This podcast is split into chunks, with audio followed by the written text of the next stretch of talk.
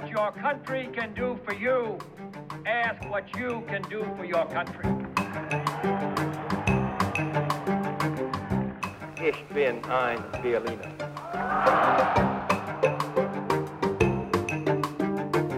What kind of a peace do I mean, and what kind of a peace do we seek?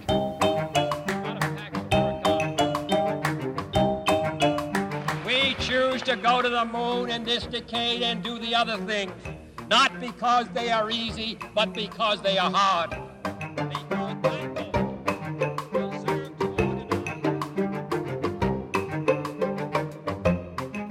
Goddag og velkommen her i Kennedyland, en podcastserie, hvor vi dykker ned i fortællingen om det mest berømte af alle de amerikanske politiske dynastier, nemlig Kennedy-dynastiet. Vi ser nærmere på familiens medlemmer, på folkene omkring dem, den tid de levede i og de begivenheder, der prægede dem. Mit navn er Peter Keldorf, jeg er en del af holdet på kongressen.com og din vært i denne podcastserie. En programserie, der præsenteres i samarbejde med sortesokker.dk. Her kan du blandt andet købe den berømte præsidentsok med John F. Kennedy på siden. Og hvis du bruger rabatkoden kongressen, så får du oven købet 20% rabat på sokken. Herover for mig i studiet har vi medvært, kongressen.coms chefredaktør Anders Agner. Anders, du er jo øh, den store nørd i rummet, undskyld mig. Men, ja, ja, ja, tak. I mere end 10 år har du nemlig beskæftiget dig med Kennedy-klanen. Blandt andet har det resulteret i fire bøger om familien, et show om de største JFK-taler, en dokumentarfilm, og så bare ufattelig meget viden ind i dit kære lille hoved. og det deler du rigtig meget gerne ud af, det ved vi jo, øh, og det er det, vi gør i den her programserie. Øh, vi hører dig øh, om forskellige personer i Kennedy-klanen. Hvem er det, vi skal høre om i dag, Anders? Jamen i dag så skal vi snakke om Joe Kennedy den tredje. Og det er, øhm, det er jo også dermed nu, at vi er kommet op i nutiden, min ven, fordi øh, efter vi jo ellers har snakket... Det er faktisk levende personer. Det er faktisk øh, en, en, en mand, der stadig i en eller anden øh, skala er politisk aktiv. Han, øh, han var jo medlem af repræsentanternes hus fra 2013 og øh, ind til, øh, til starten af januar 2021, og, øh, og er jo stadigvæk en, ham, man ser som værende det politiske håb i, øh, i Kennedy-familien her i, i vore dage. Så det, øh, vi er oppe i nutiden nu, min ven, og øh, vi skal snakke om, øh, om manden, der er med til at tegne deres, øh, deres politiske øh, ambitioner herfra, så det bliver, øh, det bliver svært. Ja, det glæder mig til. Men inden vi taler mere om Joe Kennedy, den tredje, som han jo hedder, så lad os lige starte med at give ordet til manden selv. That is a, obviously a, a big choice and a big decision to make at a time when I got a one-year-old and a three-year-old and a busy job. I'm away from my family already 100 nights a year. That's not something that I was all that eager to pursue at this point in my life. Um, I got a pretty full plate as is, and I'm happy where I'm at, and we'll take it from there as it comes. Anders, hvilken rolle spiller Joe Kennedy den tredje i Kennedy-klanen? Jamen, han er jo øh, især vigtig i, i klanen nu, netop fordi, at han jo indtil øh, begyndelsen af januar 2021 var ham, som var den folkevalgte. Altså ham, der var øh, den, øh, den store politiske drivkraft, ham, som man lagde familiens øh, forhåbninger øh, ind i, ham, som man tænkte, at øh, det var måske den, den nye store æra, efter at øh, det sådan havde ligget lidt stille i alle de år, der var fra at, øh, Ted Kennedy han, han døde i, i sommeren 2009, altså ham, der havde ført øh, hvad sige, faklen videre efter John F. Kennedy og Robert Kennedys øh, død tilbage i 60'erne, så havde han jo som den yngste af de, af de brødre, der var, øh, kørt videre og, og ført øh, familiens politiske projekt videre helt frem til han så døde i, i sommeren 2009. Men ellers har der været lidt stille, og man var måske også begyndt sådan at tænke sådan, kan vide egentlig, om der kom mere, og om det var det, og så begyndte øh, den unge Joe den tredje at, øh, at røre lidt på sig, og, øhm, og vi skal jo snakke lidt om i dag, hvordan det så også udviklede sig, men, øh, men det er klart, selvfølgelig spiller han en rolle også. Han er barnebarn af, af Robert F. Kennedy og, øh, og Ethel Kennedy, og, øh, og en, øh, en, en dygtig, sympatisk øh, mand, øh, vi kan godt røbe for lytterne allerede nu, at øh, jeg har mødt ham, jeg har også interviewet ham, det skal vi snakke om senere i programmet, men en, øh, en mand, som, øh, som der var store forventninger til, og som stadig er en mand, der er store forventninger til, men også en mand, hvor at, øh, der undervejs gik noget galt. Lad os som altid starte fra begyndelsen. Joseph Patrick Kennedy den 3. kom til verden den 4. oktober 1980 i byen Brighton nær Boston i Massachusetts. 8 minutter forinden var hans tvillingebror Matthew blevet født.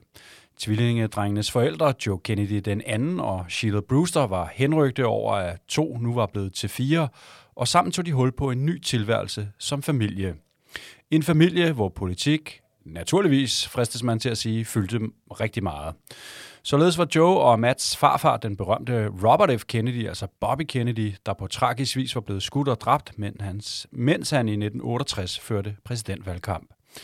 Tvillingernes far, Joe den anden, blev i stigende grad tændt på ideen om at blive en del af den politiske verden, som familien Kennedy i generationer havde været en del af. Joe og Matt var faktisk kun lige akkurat fyldt seks år, da deres far blev valgt som medlem af repræsentanternes hus for demokraterne. Men ægteskabet mellem tvillingedrengenes forældre knæede dog gevaldigt, og ikke kun på grund af det krævende politiske arbejde, men også på grund af omfattende utroskab fra far Joes side. Og i 1991 gik det definitivt i stykker, og parret blev skilt. Og Anders, øh, nogen pæn skilsmisse, det var der ikke rigtig tale om, vel? Nej, det kan man ikke påstå. Øh, tværtimod så endte det i en øh, meget, meget øh, offentlig omgang mudderkastning fra, øh, fra begge parters side, især fra, øh, fra Sheila, altså fra Joe og Mats øh, mors øh, side. Øh, blandt andet skrev hun en af de her øh, mange tell-all-bøger, altså det der, hvor man virkelig hænger det beskidte vasketøj øh, til, til offentlig skue. Øhm, og i det hele taget, jamen, så var der, øhm, der blev ikke lagt fingre imellem, øh, og øh, det skadede også øh, Joes, øh, altså Joe den andens politiske ambitioner blev stikket gevaldigt øh, som følge heraf, fordi det er klart, ligesom resten af Kennedy-familien, så er de katolikker, og øh, og det vil sige, at det her med, med skilsmisser øh, er noget, som øh, der bliver set, øh, set meget skævt til, og kan man egentlig blive skilt, eller kan man få en annullering af ægteskabet, og alle de her ting og sager. Og øhm, det er vigtigt for en politiker i al almindelighed at fremstå som en, der har styr på sit bagland, styr på sit privatliv, som er, skal fremstå som et godt og ordentligt menneske. Og sandheden var bare, at Joe Kennedy, han blev, altså Joe den anden, blev udstillet som værende alt det modsatte. Altså han blev øh, udskammet som værende en, øh, en skidtkal, der, øh, der på den façon ikke var værdig til, til et offentligt embede. Og det bekræftede lidt et image, der var i forvejen øh, af ham som værende en, en en ikke specielt nødvendigvis sympatisk mand.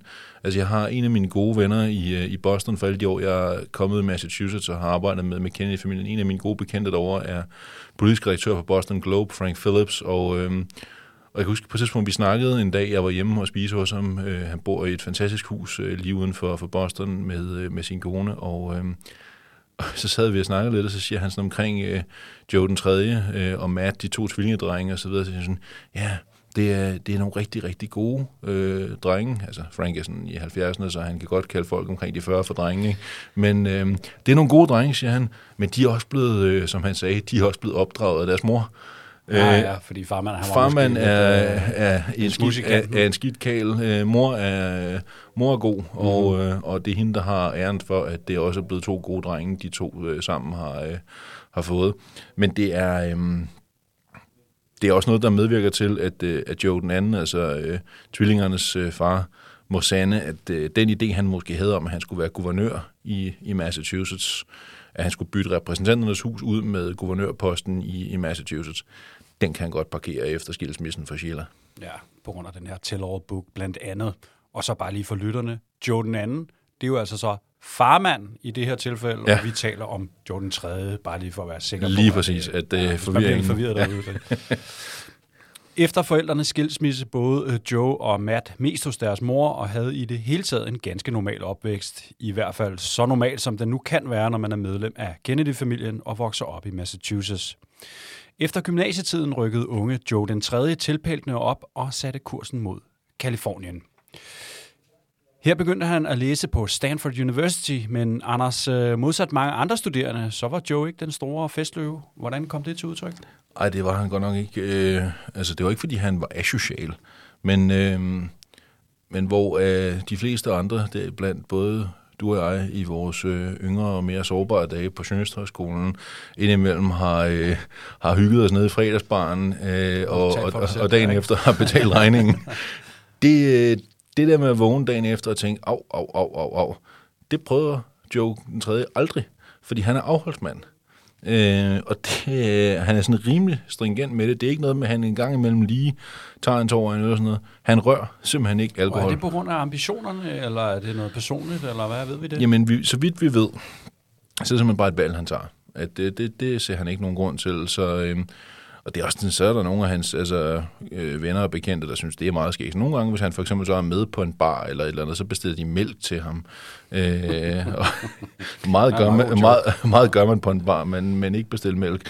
Øh, men det gør de sådan lidt for, for at drille ham. Han tager det også meget pænt, men det er... Øh, det bliver faktisk noget af det, han også lidt bliver, bliver kendt for i, øh, i studiemiljøet på, på Stanford. Det er altså det her med, at han er øh, konsekvent afholdsmand og, øh, og simpelthen ikke rør øh, så meget, som man dråber alkohol. Efter et vellykket, og som vi hørte, fuldstændig alkoholfrit studieophold på Stanford, kunne Joe i sommeren 2003 forlade Palo Alto med en universitetsgrad i Management Science and Engineering.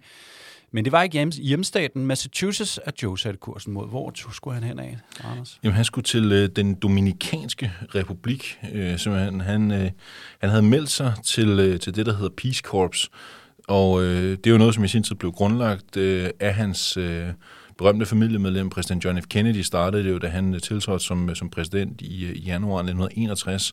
Og så blev det så i øvrigt øh, Sergeant Shriver, som øh, var gift med, med Eunice Kennedy Shriver, som vi jo også har talt om i de andre programmer, der blev sat i spidsen for, for det her Peace Corps, øh, da det begyndte. Og, og den unge Joe den 3., han har så meldt sig til, øh, til at gøre tjeneste i, i, i fredsbevægelsen her i Peace Corps, og... Øh, og tager så øh, lidt over to år til øh, den Dominikanske øh, Republik, hvor han er med til at lave forskellige typer af, af velgørende arbejde, og, øh, og på den måde, så kan man sige, i virkeligheden starter han sin professionelle karriere efter øh, studietiden på Stanford er overstået med at være frivillig i velgørende arbejde. Ja, og Peace Corps er jo sådan lidt, hvis man skal sige lidt hårdt, sådan lidt en red verden øh, måde at tage ud i verden for mange amerikanere. Det fylder rigtig meget i USA, specielt hvis man kommer i demokratisk og, og forholdsvis venstreorienteret kredse, så er det her Peace Corps altså en stor ting. Ja. Efter et par år under fredsbevægelsens faner, så vendte Joe tilbage til Massachusetts, hvor han i stigende grad begyndte at nærme sig, nærme sig den geschæft, der i overvis havde været familien Kennedys, nemlig politik. Anders, øh, hvordan så vi det? Jamen, det kommer til udtryk på den fasong, at, øh, at Ted Kennedy, som på det tidspunkt er Kennedy-familiens alt overskyggende politiske hovedperson, samlingspunktet, og ham, der efterhånden som tiden er gået, er blevet patriarken i, i familien. Han har jo siddet i senatet, siden han blev valgt første gang i efteråret 1962. Altså, øh, det er... Øh, det er et ikon, vi har med at gøre i senatssammenhæng, og vi taler jo også om ham i programmet om Ted Kennedy. Men man er jo på genvalg som senator hver 6. år, og det er jo så kørt uafbrudt. Altså, Ted Kennedy vinder i sin tid 62 et specialvalg, i øvrigt da den øh, den plads, som er blevet ledet af hans storebror John F. Kennedy, øh, er blevet præsident, så er posten i Massachusetts blevet ledet. Teddy har vundet den, sidder så resten af perioden indtil 64, og så er det ellers derfra begyndt at køre med genvalg på genvalg. Det vil sige, Teddy har kørt genvalgskampagner i 70, 76, 82, 88, 94, 2000, og så nu igen her i år 2006. Og han har stor banket modstanderne hver gang. Altså han er jo blevet en institution i Massachusetts øh, og i amerikansk senats- øh, og kongrespolitik i det hele taget. Så det er jo ikke fordi, det er en svær valgkamp, der skal føres.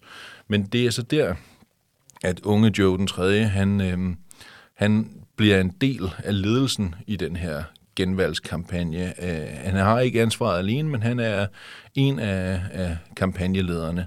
Og det er klart, det er jo selvfølgelig spændende for ham, og ekstremt lærerigt at, øh, at komme under øh, Ted Kennedys vinger. Altså det er jo hans øh, berømte farfars lillebror, som, øh, som tager ham under sine politiske vinger og siger, så kom her, unge mand, så skal jeg lære dig øh, spillet, fordi Joe er optaget af, af politik allerede på det tidspunkt. Der, der brænder en politisk ild i ham. Øh, han har ikke helt bestemt sig for, hvad, hvad han vil med den endnu, men han, øh, han er politisk optaget, og han synes, det er spændende, og øh, leger med tanken om at gå den vej. Men i første omgang så får han lov til at, øh, at snuse til, øh, til, hvad det egentlig går ud på at spille det store spil, når... Øh, når han så er en del af ledelsen for Ted Kennedys øh, selvfølgelig stensikre øh, genvalgskampagne, altså hans store banker igen. Øh, jeg kan ikke huske, hvem det er, der er hans modstander, men det, det går øh, ganske, ganske øh, uden problemer.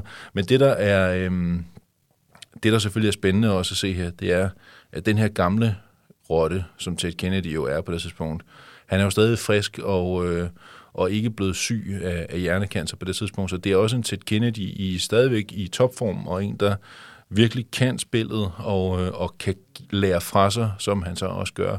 Og man kan sige, nogen bedre lærermester kan man nærmest ikke ønske sig, end, end, end ham, som Joe den 3. han får her, øh, fordi få øh, kongrespolitikere har gennem tiden været mere kapable og mere øh, erfarne, end, øh, end Ted Kennedy han var det. Så øh, Joe Kennedy har også sidenhen øh, beskrevet det her som værende en oplevelse, som virkelig var med til at øh, anspore ham yderligere, og har jo også tit beskrevet Ted Kennedy som, øh, som en af de mennesker, han overhovedet har lært mest af, hvad angår politik. Det blev dog også tid til andet end politik for Joe Kennedy i denne periode, for samtidig med at han var med til at lede Ted Kennedys valgkamp, så startede han på jurastudiet på Harvard University, hvor flere af hans berømte familiemedlemmer, heriblandt farfar Bobby og dennes bror, JFK, en tidligere præsident, havde slået deres folder som unge. Og Anders, øh, der bliver heldigvis tid til mere for unge Joe end blot øh, lovsamlinger i tiden på Harvard. For der sker noget, der bliver definerende for hans liv. Hvad er det, der sker? Jamen, der sker det, at i et af de fag, han, øh, han følger, der møder han en, øh, en ung kvinde, som hedder Lauren Ann Bergfeldt. Og øh, de bliver kærester. Og øh, de er den dag i dag gift og forældre til, øh, til, to, øh, til to børn. Men de mødes i, øh, i studiesammenhængen på, øh, på Harvard og, øh, og forelsker sig som sagt. Og øh, der er sådan en lille detalje, der er meget, øh, for nu er jeg sådan i, i det politiske nørderi her, at øh, den, øh, det fag, hvor de, hvor de møder hinanden, øh, den underviser, der er i det fag, er en anden ganske berømt politiker i dag, nemlig øh, hende, som i talende stund er senator Elizabeth Warren fra Massachusetts. Alright, ja. Øhm, det, er hende, name, det er simpelthen, det, hun underviser på det tidspunkt øh, det fag her, som, hvor de to her, øh, Joe den 3. og, og Lauren mødes, og, øh, og de bliver også af den, øh, af den grund øh, gode venner med, øh, med hende efterfølgende, fordi det har en særlig betydning for dem, at øh, det er sådan, de, øh, det var det fag og den lærerinde, som var der, da, da de møder hinanden. Men, øh, men ja, Joe og Lauren øh, mødes der, og, øh, og er som sagt i dag gift og, øh, og forældre til to øh, mindre børn. Den politiske baksille var for alvor kommet i blodet på Joe den 3., der ganske vist havde et par års øh, juridisk ansættelse efter juragraden fra Harvard var kommet i hus. Men Anders, i begyndelsen af 2012, så kom så meldingen, at Bobby Kennedys barnebarn nu ville ind i politik. Så kunne han simpelthen ikke vente mere. Så, øh, så vil han gerne øh, ind og øh, være medlem af kongressen, øh, gå i familiens øh, fodspor. Øh, han havde tænkt sig at gøre det på samme måde, som John F. Kennedy jo i sin tid gjorde det. Øh, det vil sige, at han vil gerne starte i repræsentanternes hus. Og øh, offentliggør så derfor, at han, øh, han stiller op som øh, kandidat til, øh, til det, der hedder det fjerde øh, distrikt i, i Massachusetts. Så det er sådan lige ikke så langt fra, fra Boston, som jo er hovedbyen i, øh, i Massachusetts. Det er det distrikt, han stiller op til, og det er et ret sikkert demokratisk øh, distrikt. Så det, det handler om, er at øh, få partiets nominering, øh, så er man også nærmest sikker på at, øh, at vinde øh, pladsen i huset Og det er også rimelig meget hjemmebane, ikke? Og det må man sige, det er, ja. det er Kennedy-land. Mm. Altså i ordets bogstaveligste forstand. Ikke? Altså det er Massachusetts, det er, øh, det er demokraterne, det er med Kennedy som efternavn. Der er ret mange bokse, der tjekker af i forhold til, at det, en, en vellykket kampagne kan føres her. Og det lykkes også. Altså han... Øh, han offentliggør sit kandidatur, han knokler øh, derudaf for at, øh, at få bygget sin position op og bygge sin base op så hjælper det selvfølgelig, at Kennedy-familien er i ryggen på ham, og blandt andet, at øh, han kan trække på også det, han har lært fra, øh, fra den i mellemtiden nu afdøde Ted Kennedy, fra da han var med til at føre hans valgkamp i 2006, kan trække på sin... Øh, både onkler og tanter og fædre og kusiner og så videre, og så videre. Altså, der er meget, meget know-how i forhold til Massachusetts politics at trække på for, øh, for Joe den 3. Og øh,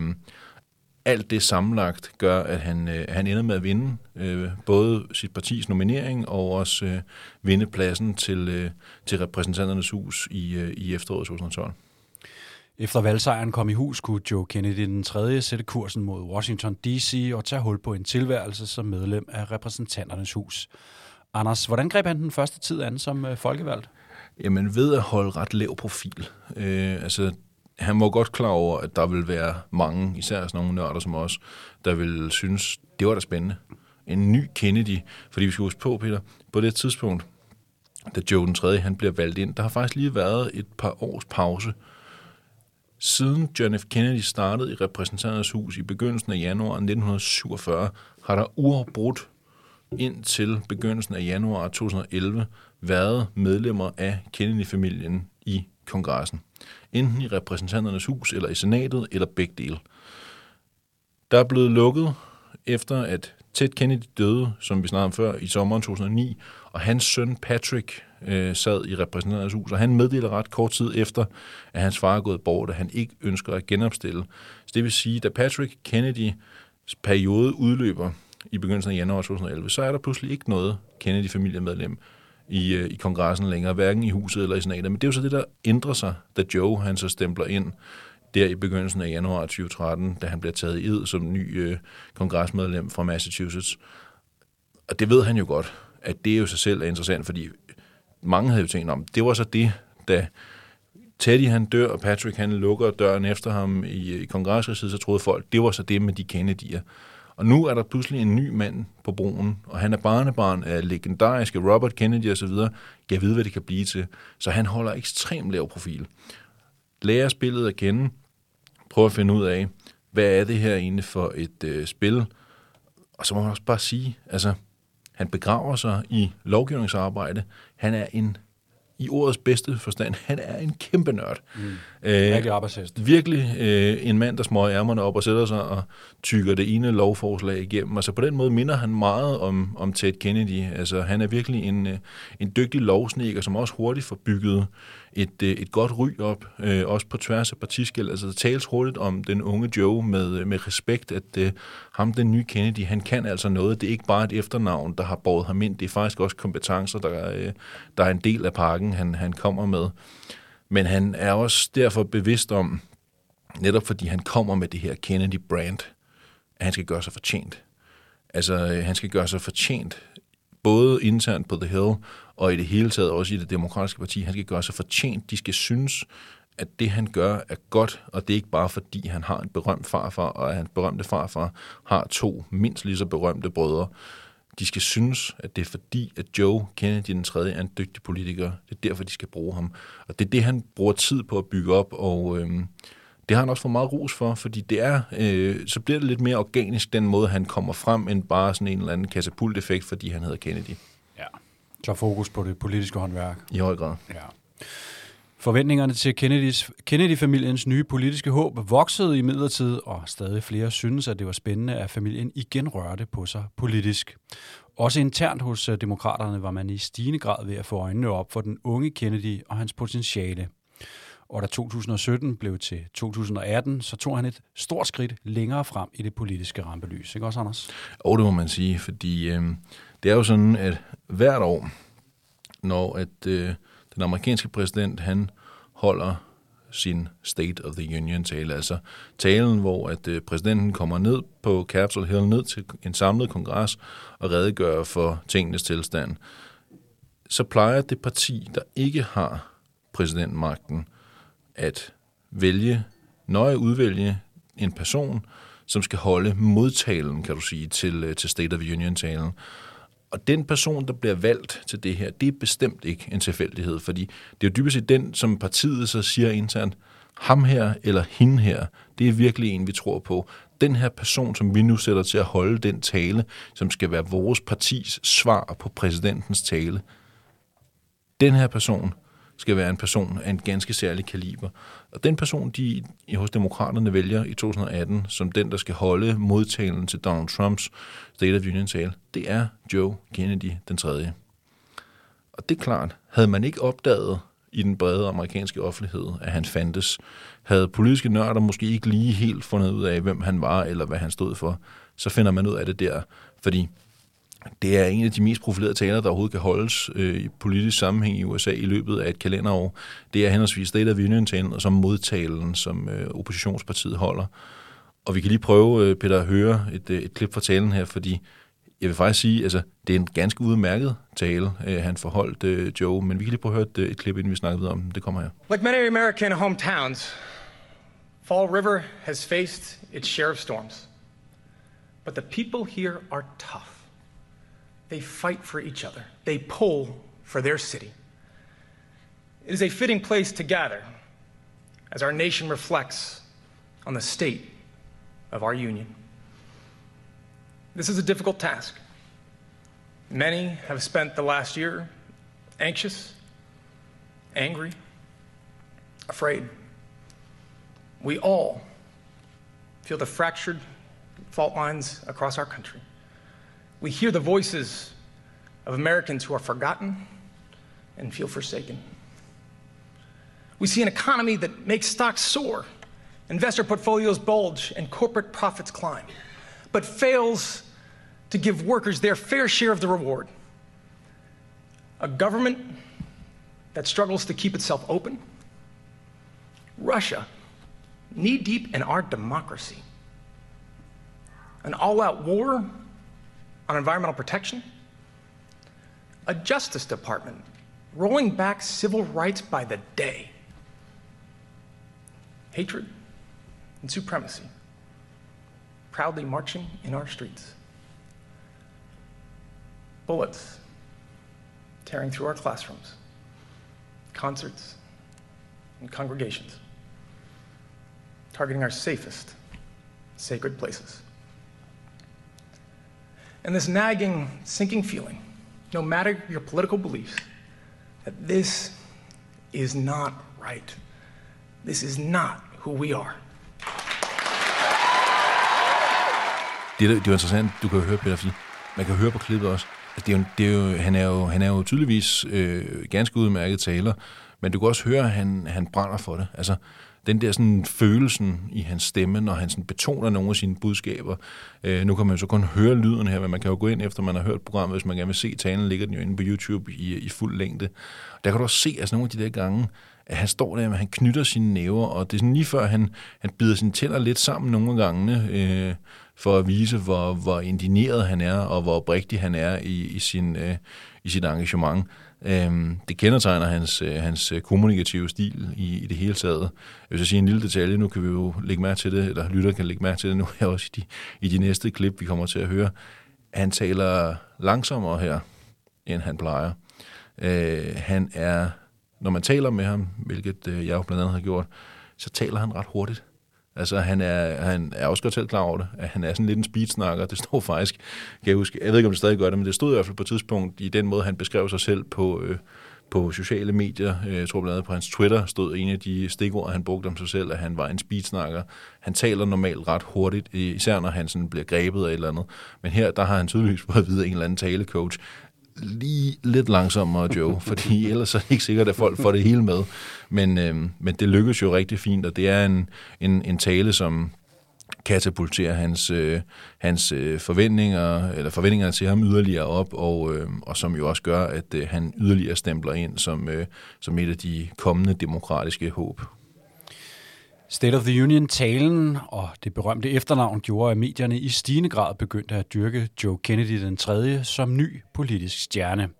Vi kan lige prøve at høre et klip fra sommeren 2018, hvor den berømte talkshow-vært Stephen Colbert havde Joe Kennedy i studiet i The Late Show til en snak om blandt andet Joes berømte farfar, Bobby. I guess the question is we all, Americans, all feel like we have some sort of ownership and relationship to your family, and we have our own stories about uh, your grandfather. But what stories do y'all tell in the family? What are the what are the things that you choose to remember? The stories you like to tell? Um, so, Stephen, it's um, there's the stories that I think you know and that a lot of Americans know. Um, the role that he and, and, his family, his brothers and sisters, have played in our history. Uh, the Cuban Missile Crisis, uh, the stand in the schoolhouse door, um, the civil rights uh, battles, his obviously campaigned for the presidency, and, mm. and the turmoil that we saw in 1968. Um, and that's important, and that, that's important to, to me and my family. There's the other side of it that doesn't get told, which is just he was a dad. He was a brother. Um, Father of 11. And yeah, which is a lot, turns out, right?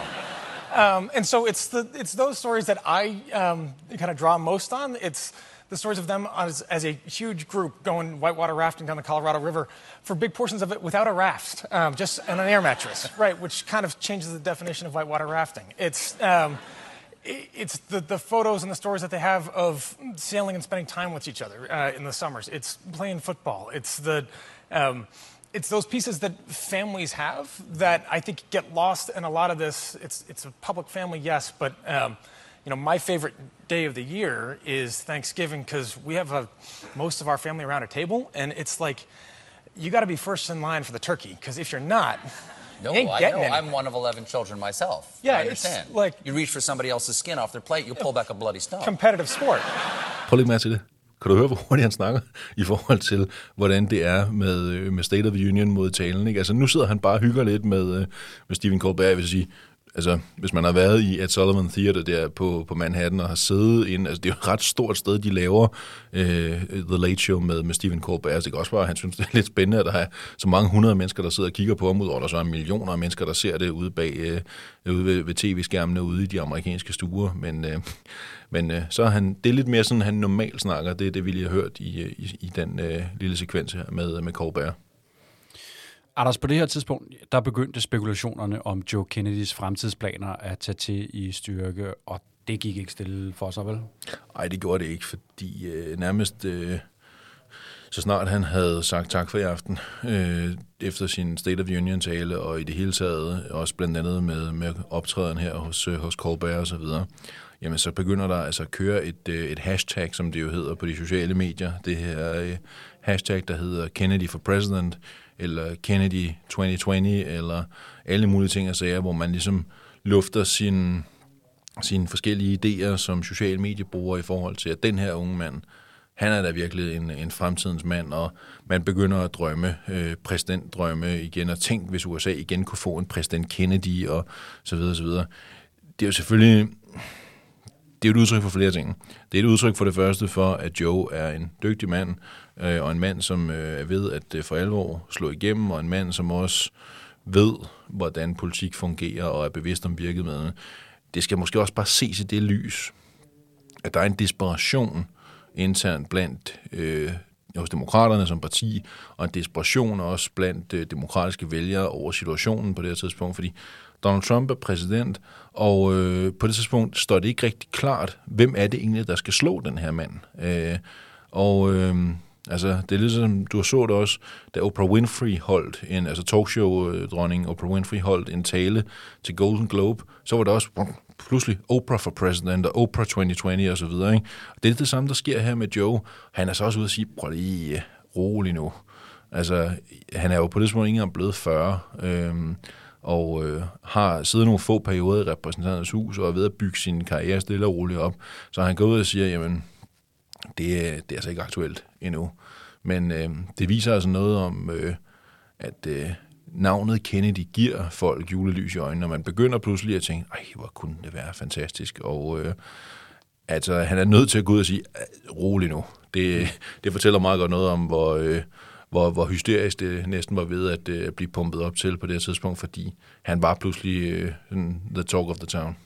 Ja, man skal også se, du var lidt inde på det, man skal vel også se det i den her kontekst, som du siger om, at demokraterne de famler lidt på det her tidspunkt. Det nu er de. der jo ting, der er sket, og Joe Biden er blevet præsident, men altså på det her tidspunkt, så ledte man vel efter en eller anden, der kunne fagne en moderat linje, uden at være så management- og koldagtig, som Hillary Clinton var. Øh, er det korrekt, eller hvad? Jamen, det er rigtigt, og det er jo også på det tidspunkt, hvor at man i høj grad står med en situation, der hedder, at ikke fordi det vrimler med talenter hos det demokratiske parti. Øh, altså, det er lidt, øh, da man spotter, at hov, unge Joe den 3. Øh, fra Massachusetts, han er god. Ham kan vi bygge op. Og øh, det, det, altså, det er sådan et, jamen, hvem er der mere? Jamen, der er ikke så mange flere. Men han er der, og så får den alt, hvad den kan trække. Og øh, man kan sige, at stille ham op som, øh, som State of Union-modtaler til, til den siddende præsident, er selvfølgelig også en beslutning, som yderligere katapulterer ham, som vi snakkede om før.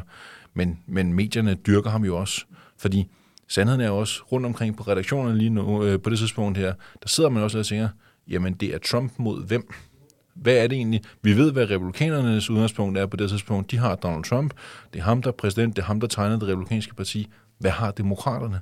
Det er, som du siger, det er jo før Joe Biden øh, kommer til, øh, og man ikke rigtig ved, jamen, kan han stå distancen og så videre. Så på det tidspunkt, jamen, der står man lidt i den her lidt... Man er lidt på, på herrens mark som parti. Man, øh, Det er så også det, der kommer til udtryk sidenhen, uden vi skal snakke mere om 2020-valgkampen, men det er jo det, der kommer til udtryk også ved, at man vælger, at øh, altså, man ser så stort et kandidatfelt. Det er jo netop et udtryk for, at man faktisk ikke rigtig som parti vidste, hvad vej man skulle, eller hvem man skulle samles om. Og det er også i det lys, at man skal se nogle af de her mange rygter, der var omkring Joe Kennedy og et muligt 2020-præsidentkandidatur. Men at han ville mere end bare sidde i repræsentanternes hus, det blev fuldstændig tydeligt i 2019, hvor han efter længere tids interne brydekampe endte med at udfordre den siddende demokratiske senator Ed Markey. Anders, hvordan blev det modtaget? Jamen, det er jo en lidt, sådan, lidt særpræget situation, fordi Ed Markey øh, er jo ikke nogen folkeforfører først og fremmest. Han er heller ikke nogen speciel sådan, øh, Altså, han er ikke nogen særlig populær senator. Han er også en lidt ældre mand øh, i, øh, i den første del af 70'erne og så videre. Det er ikke, fordi det er en mand derfor, som har en stor politisk karriere foran sig. Og Ed Markey er på genvalg i, øh, i 2020. Og øh, man prøver fra, fra Kennedy-lejrens side at øh, lægge pres på Markey internt i første og sige, prøv at høre et. Det kunne jo være, at vi måske skulle sige, at øh, you had your right, øh, det var så det nu, nu, øh, nu må du overlade stafetten til, øh, til den næste generation, øh, og, øh, og den øh, mand, du selvfølgelig skal pege på, er, er Joe den tredje. Og Mark er ikke rigtig med på den. Altså, han er sådan, nej, det er, det, det er ikke planen. Jeg vil, jeg vil egentlig godt lige siden en periode med. Jeg tænker, jeg skal, øh, jeg skal fejre 80 års fødselsdag som senator, og, øhm, og det er, øh, det er sådan lidt uventet melding, tydeligvis for, for Kennedy'ernes side og for Joe, øh, for Joe Kennedy den tredje også, i særdeleshed, fordi man egentlig havde regnet med, at når Kennedy-maskineriet ligesom lagde pres, især i Massachusetts, at det ville være nok til, at de fleste åh, åh, oh, oh, det sker ikke noget, noget af, jeg slås med det der. Men Marky, han, øh, han er ikke sådan lige at bide skære med, og selv også, da man begynder fra, fra Kennedy-lejrens side øh, sådan internt at sige, sådan, prøv en gang, så må vi jo udfordre dig. Altså, hvis ikke du øh, vil øh, gå frivilligt, nu, nu prøvede vi bare at være søde og rare, men hvis ikke du vil flytte dig, så må vi jo takle dig. Og Mark, han giver sådan og det må jeg jo så gøre. Jeg har ikke tænkt mig at, øh, at træde tilbage. Jeg har ikke tænkt mig ikke at gå efter genvalget. For vi skal huske på igen, Peter, det er Massachusetts, det er et demokratisk kerneland, det her. Det vil sige, det handler ikke så meget om, hvem der er dine republikanske modstandere i forhold til, øh, til senatet. Det handler nærmest udelukkende om, kan du få partiets nominering, for så er du også nærmest stensikker på at vinde pladsen øh, et par måneder senere ved valget i november. Og øhm, det ender jo så med, at Joe han er nødt til at sætte handling bag ordene og sige, nå, okay, jamen, så må jeg jo gøre det. Så må jeg jo offentliggøre, at jeg udfordrer dig. Og, øhm, og det bliver til at begynde med ret fint modtaget, fordi det er jo klart, en Kennedy og i Massachusetts og alle de her ting, jeg som vi snakkede om før, det kan nærmest ikke sidde øh, mere i trekanten, end det gør. Og derfor så kommer han også godt fra start. Folk synes, det er spændende. Uh, en ny Kennedy, og gav vide, og næste skridt, nu er han i huset, nu skal han videre til senatet, gav vide, om det bliver ligesom med hans berømte familie med John F. Kennedy, som også startede huset, så kom han i senatet, så blev han præsident, og hvor var det fantastisk det er jo lidt det, man begynder at læse ind, alle de her drømme, og også de historiske vingesus og så videre. Så det går godt til, øh, til at begynde med. Altså, det er ikke fordi, det vrimler med meningsmålinger i interne, øh, øh altså i primær, øh, interne primære dueller i delstatsregi. Det er ikke sådan, at der er så meget håndgribeligt målemateriale at arbejde ud fra. Men de få målinger, der kommer, de er gode de peger i retning af, at, øh, at Joe Kennedy sagtens kan besejre Ed Markey. De peger i retning af, at folk synes, det her er ret fedt, og at, øh, at der også derfor er yderligere store forventninger til, at, øh, at han tager det næste skridt øh, og, og dermed skifter øh, huset ud med signalet. Joe Kennedy fortsatte de gode takter ind i begyndelsen af 2020 og ræsede Massachusetts tynd til en lang række vælgermøder. Et af dem var på Springfield Technical Community College, en rockhold søndag i midten af januar 2020, og blandt tilhørende endnu en stor personlighed i amerikansk politik. Anders, øh, du var til stede. Øh, fortæl os, hvad der skete den dag.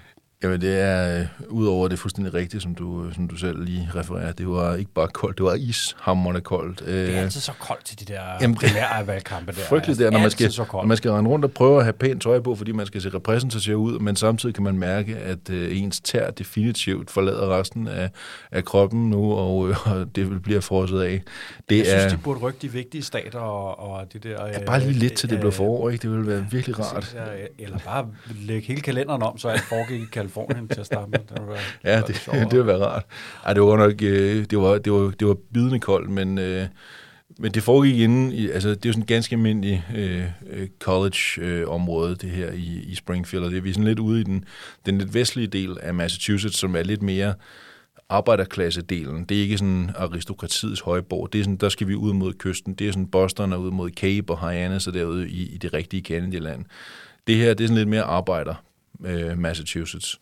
Og øhm, de her vælgermøder er jo, altså vi har jo begge to dækket dem med masser af gange, øh, og det er, det er jo ikke fordi, det er sådan specielt glamourøst. Det er jo som regel noget med en masse klapstole, og så kommer der nogle frivillige og slår nogle, øh, nogle plakater op på væggene med, med noget gaffatape, og, øh, og så ellers øh, prøver at tilpasse, hvor mange der ser ud til at dukke op, så man ikke har alt for mange tomme stole stående, og, øh, og så kommer kandidaten, og så kan der blive øh, øh, udbredt nogle politiske budskaber, og, øh, og så kan der blive taget nogle selfies bagefter.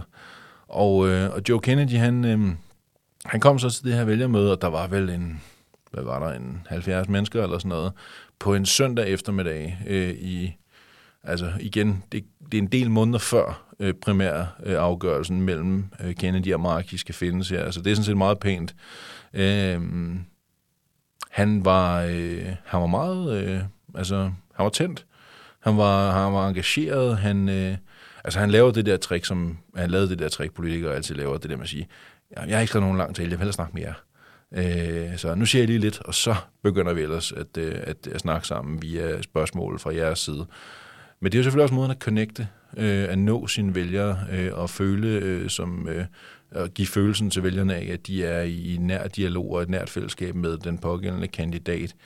Men, øh, Ja, det stod på i en, øh, en god times penge, øh, den her session med, øh, med de fremmødte, og, øh, og så øh, havde jeg jo så øh, fået arrangeret, at jeg kunne få lov at interviewe ham bagefter. Så da, vi var, da, da vælgermødet var slut, øh, og, øh, og folk havde været henne og trykke næver og, øh, og tage billeder med ham og så videre, så, øh, så talte jeg med ham, og, øh, og talte blandt andet med ham omkring, øh, omkring det her med familiearven, og det her med at være ud af Kennedy-familien, og om hvorvidt det var en fordel, eller om det var en ulempe, og hvordan han så på det og så videre. Og det, der var interessant, synes jeg især ved, øh, ved det, han fortalte, det var, at han sagde, jamen, du kan ikke nogensinde møde det forventningsniveau, der ligger til dig. Når du hedder Kennedy og, øh, og stiller op, og som, jeg, som han siger, som jeg gør i Massachusetts, du kommer aldrig til at kunne indfri folks forventninger, netop fordi både at hans farfar var, hvem han var, men også at farfars to brødre var henholdsvis JFK og Ted Kennedy. Så det er klart, det forventningspres, der vil ligge, og alle de drømme, folk vil læse ind i ham osv., det vil han aldrig nogensinde kunne imødekomme. Så derfor havde han egentlig bestemt sig for, at den eneste måde, han kunne være i det forventningspres, det var ved at gøre tingene på sin egen måde. At være sig selv, køre øh, valgkampen, som han synes, den skulle køres. Selvfølgelig, som han sagde, var han super stolt af det, hans familie havde bidraget med gennem årene, og de ting, som både hans farfar og JFK og så videre stod for, øh, var en kæmpe inspiration for ham. Men, men han var ham. Han var ikke, han var ikke dem. Han var sig selv. Og, øh, og det var en ny tid, og det, øh, det synes jeg faktisk, kan jeg huske, øh, det er, det er sådan, efter jeg havde talt færdig med ham, øh, reflekteret over samtalen, at det var sådan, det var egentlig meget fornuftigt. Ikke at prøve at stille sig op og sige, jeg er den nye JFK, eller jeg er den nye RFK, eller noget som helst. Men jeg sige, nej, jeg er mig. Jeg er lige præcis kun min egen person. Og jeg skal ikke prøve at være dem, jeg skal kun være mig. Øh, det er nu engang også en meget god idé i al almindelighed. Vær dig selv, fordi alle de andre er taget. Så, øh.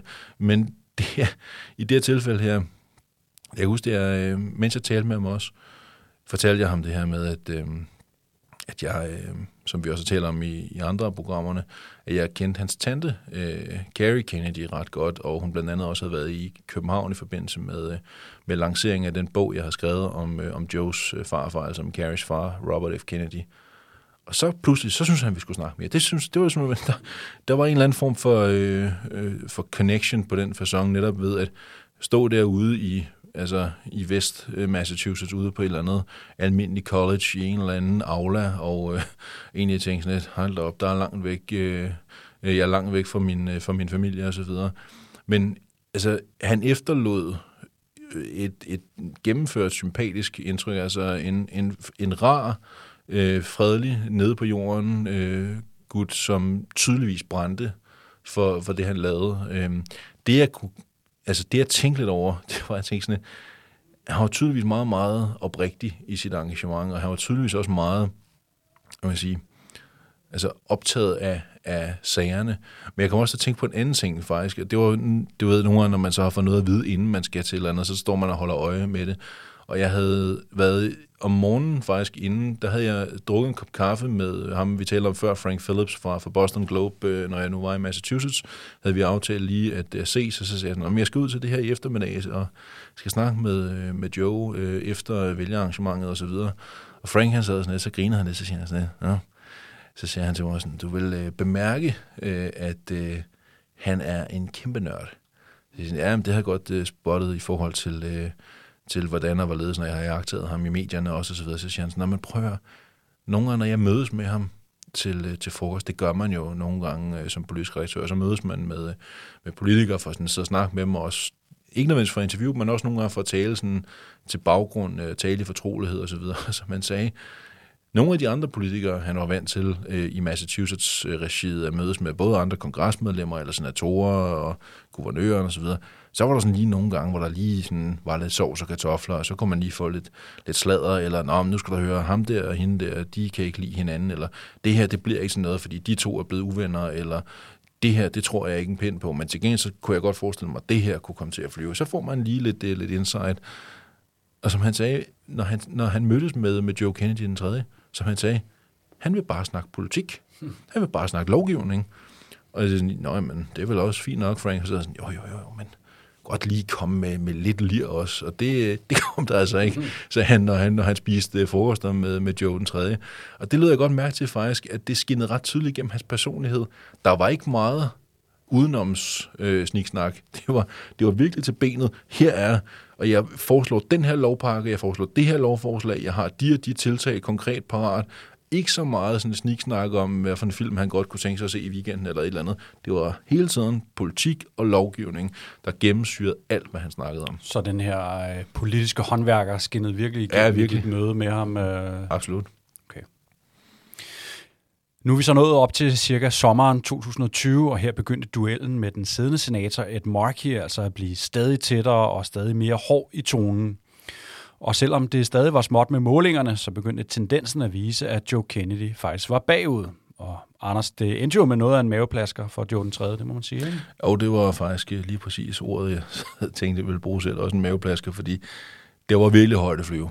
Og så var der så pludselig dybt at falde, fordi der begynder at ske det hen over sommeren, at, at Marki bliver på en eller anden façon, jeg vil ikke kalde det genfødt øh, som øh, kandidat, men han får i hvert fald spændt nogle motorer bag sig, som er hammerne effektive.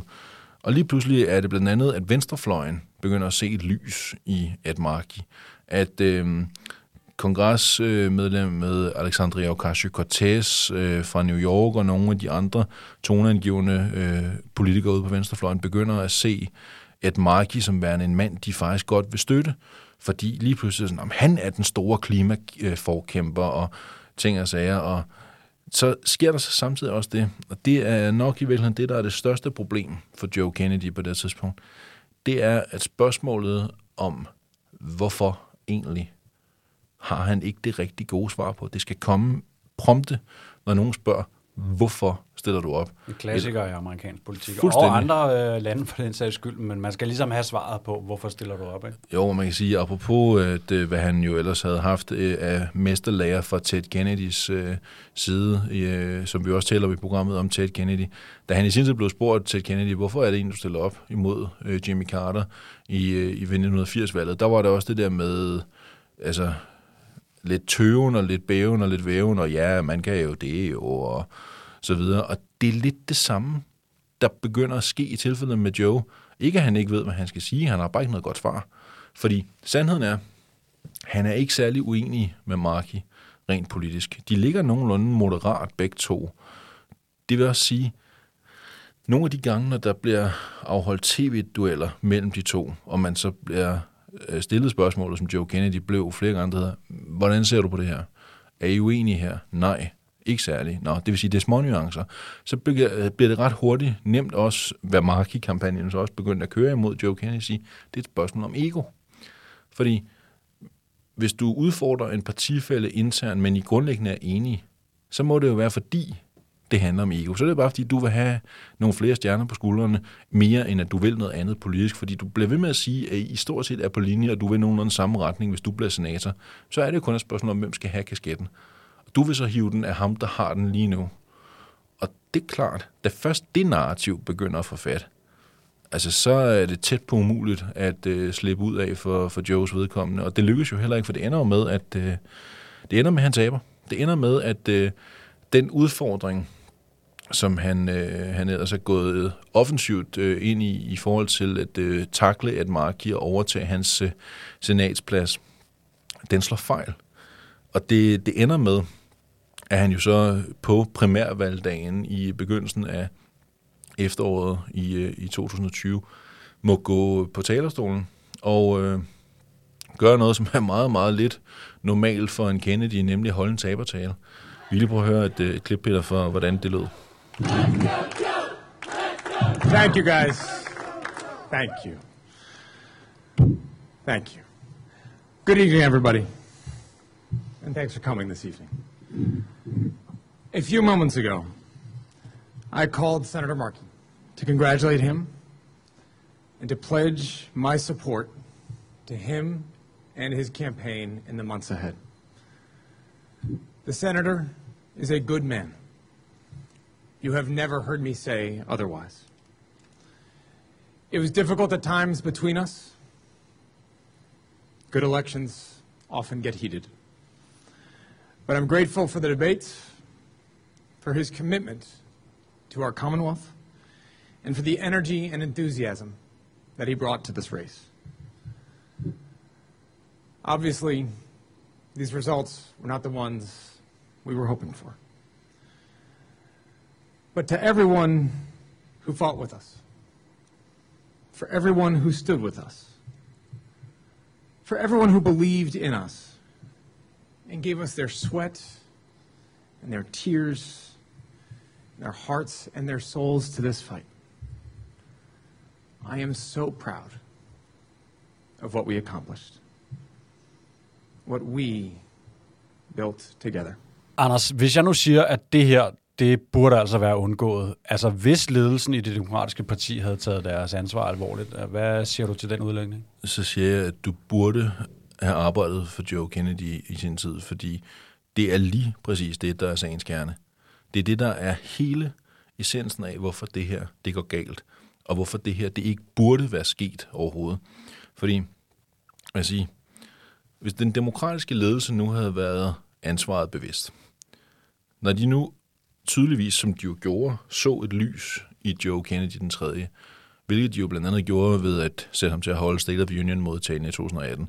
Når de nu kører ham frem i den øh, skala, de gjorde, så har de jo ikke interesse i at, øh, i at miste ham.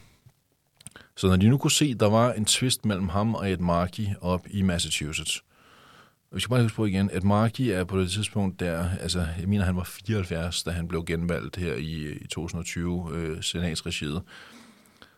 Det vil sige, det er jo ikke en mand, der har mange valgperioder foran sig. Det er måske ikke engang sikkert, at han skal sidde perioden ud. Det kan være, at han kunne trække sig tilbage efter nogle år. Så hvis man nu for demokraternes ledelse var gået ind og sagde, prøv lige at høre, Joe, Ed, nu skal vi lige have en snak. Joe vil gerne være senator. Det forstår vi godt, Joe. Ed, du vil gerne blive med at være det nu. Det accepterer vi. Kunne vi så aftale her rundt om bordet, de her, at nu lader vi lige, at Marki kører videre som senator, om han skal sidde perioden ud, eller om han måske sidder en, en to, tre, fire år max, og så øh, trækker sig, og i den forbindelse peger på Joe Kennedy som sin afløser. Eller i hvert fald, om ikke andet, når perioden næste gang så vil være slut, så enes vi nu rundt om bordet om, at så er det Joe, der overtager efter Ed. I mellemtiden, fordi vi forstår godt, Joe, at du er en ivrig og ambitiøs ung mand. Det forstår vi godt.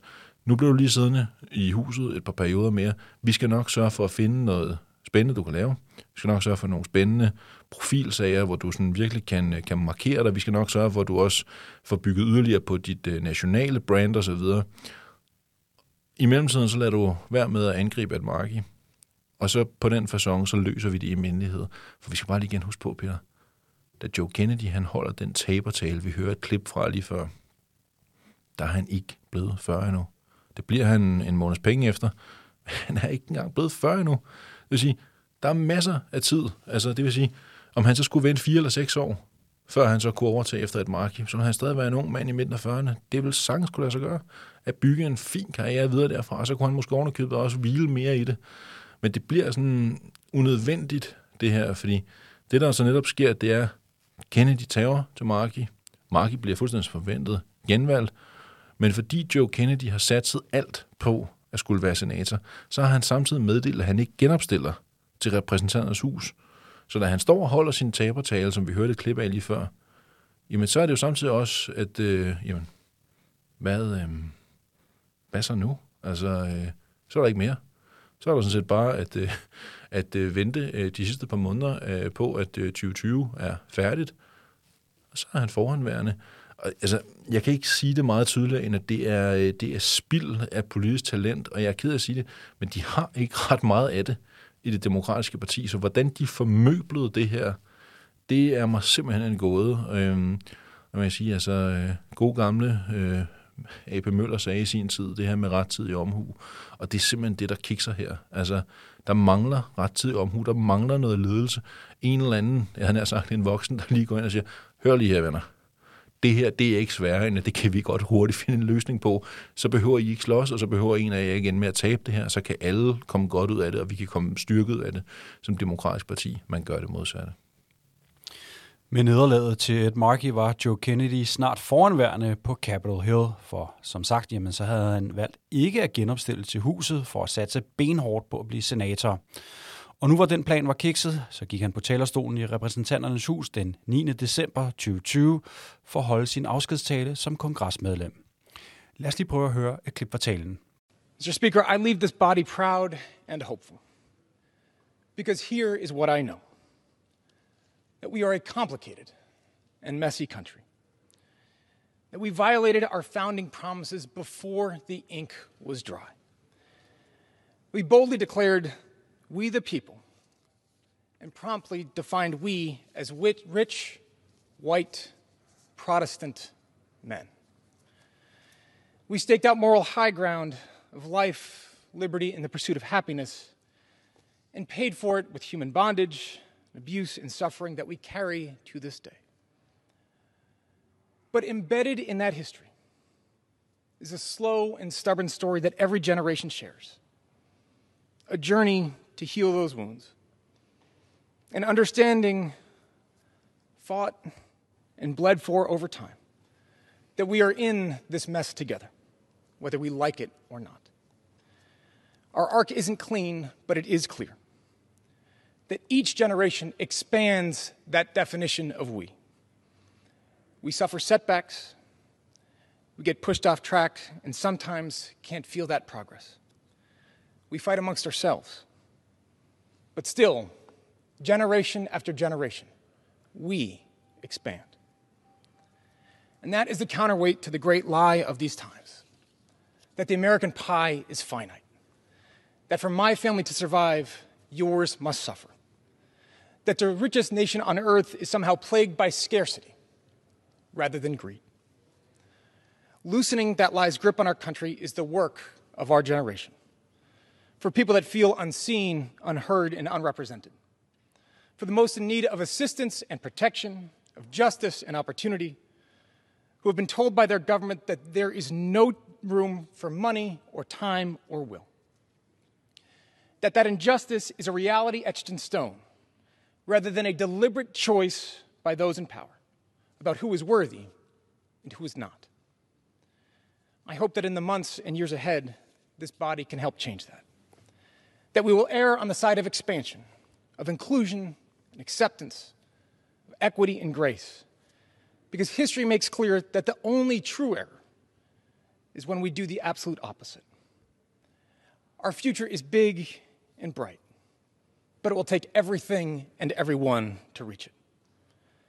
I hope that a new generation of Americans will rise knowing that the people's house stands tall for them. Mr. Speaker, it has been an honor. God bless and Godspeed. And I yield back. Den 3. januar 2021 blev den nye amerikanske kongres taget i ed, og for første gang siden John F. Kennedy i januar 1947 startede i repræsentanternes hus, dog minus to år fra 2011 til 2013, ja, så var der ikke længere et medlem af Kennedy-klanen, der var en del af magtapparatet i kongressen. Anders, vi nærmer os slutningen på programmet her, hvis vi skal prøve at opsummere her til sidst. Øh, hvilken plads vil du så sige, at Joe Kennedy den 3. har i de amerikanske historiebøger i dag? I hvert fald, øh, som det ser ud lige nu, øh, er han jo så manden, der lukkede ballet. Øh, I hvert fald, hvad Kennedy'erne i amerikansk toppolitik angår. Øh, det kan jo selvfølgelig være, at det ændrer sig øh, med tiden, men lige nu, så er øh, status den, at det var ham, der tabte, og dermed også ham, der lukkede døren øh, igen.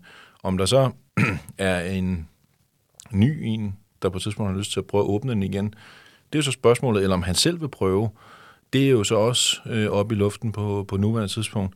Men lige nu er hans, øh, hans plads i historiebøgerne faktisk den øh, ikke specielt misundelsesværdige, at øh, han var Kennedy-kandidaten, øh, der tabte, tabte i Kennedy-højborgen Massachusetts, og, øh, og dermed også gjorde, at, øh, at familiens nærmest uafbrudte repræsentation i kongressen, som altså startede, som du selv sagde før, da John F. Kennedy han begyndte i begyndelsen af januar 1947, at den så slutter i begyndelsen af januar 2021, da Joe Kennedy så ikke længere er medlem af repræsentanternes hus.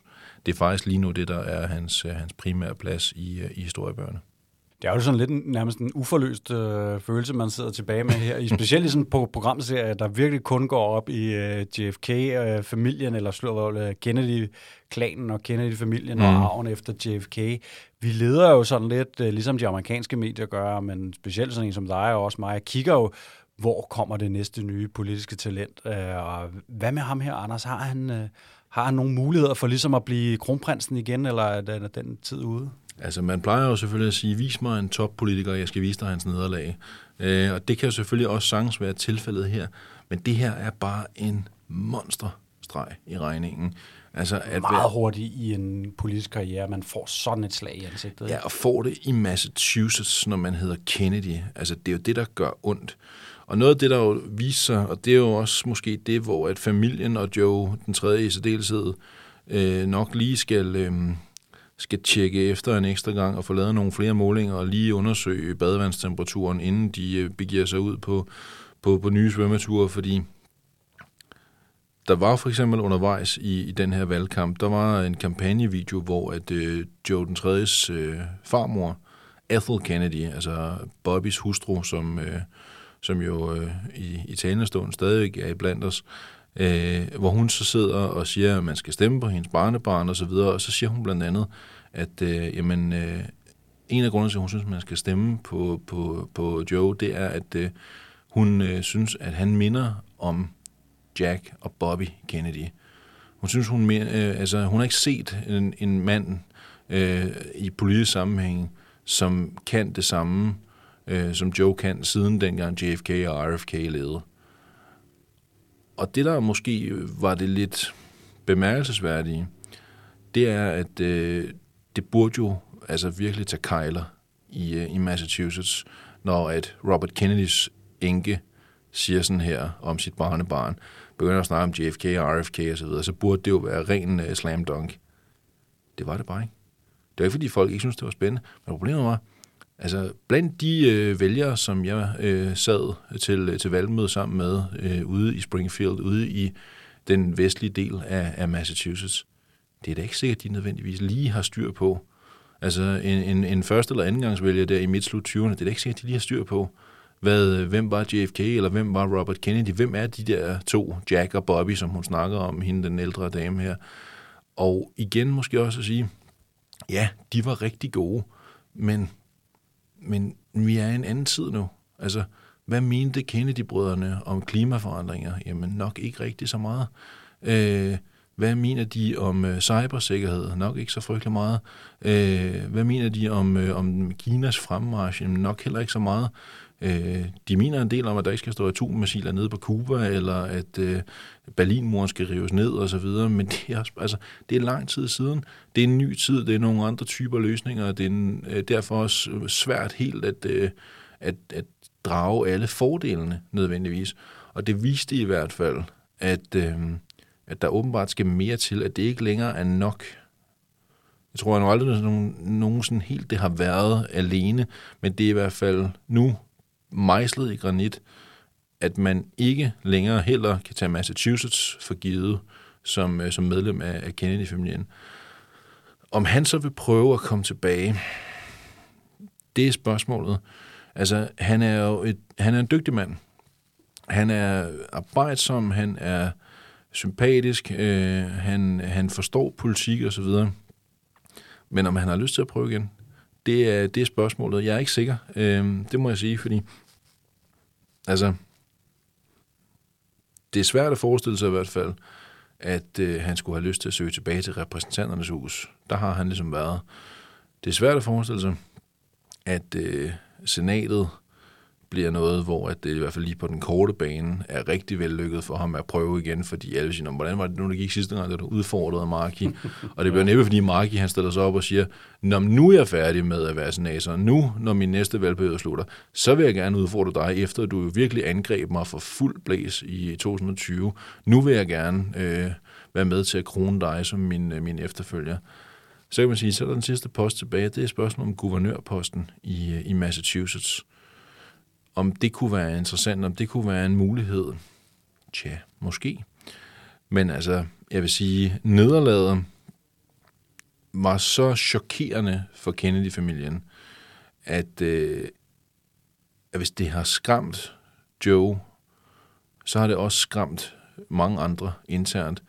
Fordi det forventningspres, der har ligget på mange øh, efterkommere af de tre berømte Kennedy-brødre, som vi har snakket om også i programmet her, i programmerne her, jamen det er jo klart, det har fået mange til at løbe skrigende bort. Tak, men ellers mange slags tak, øh, i forhold til at, øh, at stille op, fordi man vidste, at det forventningspres, der lå, var, hver eneste gang du holdt en tale, så blev du sammenlignet med John F. Kennedy, hver eneste gang du fører en valgkamp, så blev du øh, sammenlignet med Robert Kennedy, og hver eneste gang du laver et stykke lovgivningsarbejde, så bliver du sammenlignet med Ted Kennedy. Altså, det er tre kæmpe KF'er inden for hver deres métier her, og det, altså det pres, det har der jo mange, der har sagt, ej, det skal jeg godt nok ikke noget af at prøve at løfte. Og det var faktisk det, Joe Kennedy den tredje, han sagde, det tror jeg godt, jeg tør. Jeg vil, jeg vil godt. Godt være, som jeg også øh, fortalte før, at øh, han sagde, at jeg gør det på min egen måde osv., men han var bevidst om det pres, der ville komme til at hvile på hans skuldre, men han tog det på sig og ender så med at tabe. Så hvis der er andre af hans fædre eller kusiner eller nevøer eller niæser eller hvad det hedder alle sammen, som sidder og tænker, hold op, hvis en så ellers dygtig og kapabel herre som, øh, som Joe kan tabe og tabe i Massachusetts, så kan det måske være, at vi skal prøve at finde andre måder at øh, repræsentere Kennedy-familien end, øh, end via at søge folkevalgt embede, fordi kan det egentlig andet efterhånden end at skuffe er forventningspresset og den myte, vi blandt andet også taler om i programmet om John F. Kennedy, er det efterhånden blevet så stort, og er myten blevet så stor om familiens historiske meritter, at, øh, at nutidens virkelige Kennedy'er måske nærmest aldrig nogensinde kan leve op til det. Det er der noget, der kunne tyde på. Anders, hvis man nu gerne vil øh, lære og læse mere om Joe Kennedy den 3., efter man har hørt den her podcast om ham, øh, jamen hvilke bøger er der så derude, du kan anbefale? Ikke så mange. og det er ikke fordi... Hvad med at, den der øh, tell-all-bog om hans forældres skilsmisse der? Det kunne være, Ja, det, det, det, hvis, man, mere hvis, saftig, hvis, man, øh, hvis man nu tager fat i, i den amerikanske antikvariat, så kan man sikkert godt uh, finde den. Nej, jeg vil sige, den, uh, den der måske først og fremmest er værd at, uh, at nævne, det er, uh, det er en e-bog, som hedder New Camelot Dawning. Og det er en samling af, af Joe uh, Kennedy den 3. Uh, bedste taler uh, gennem uh, tiden. Uh, det er faktisk nogenlunde, øh, hvad der er om ham på nuværende tidspunkt. Det kan være, der kommer noget. Det kan også være, at han selv på et tidspunkt føler trang til at øh, skrive sin historie. Øh, det er i hvert fald for mig at se, hvis han gør det på et tidspunkt, en klar indikator på, at han ikke synes, han er færdig med politik, så øh, for pengene har han jo ikke brug for. Øh, der har Kennedy-klanen i almindelighed stadig lidt på, på kistebunden. Og ellers, øh, jeg vil sige, hvis man skal læse noget ud over den her talesamling i e-bogsversionen, så, øh, så er der skrevet øh, op til flere ganske, synes vi da i hvert fald selv, habile artikler om, øh, om Joe Kennedys øh, gørne og laden gennem årene øh, på, på kongressen.com, som, øh, som folk kan, kan gå ind og læse også. Men, øh, men det er sparsomt, hvad der findes på nuværende tidspunkt af, af litteratur om, øh, om Joe Kennedy den 3. Således kom vi hele vejen rundt om Joe Kennedy den 3. i denne udgave af Kennedyland. Programmet her er sponsoreret af sortesokker.dk. Vores producer hedder Tom Carstensen, på vegne af min medvært, Anders Agner, og mig selv, Peter Keldorf. Tak for nu, og på snarlig genhør i Kennedyland.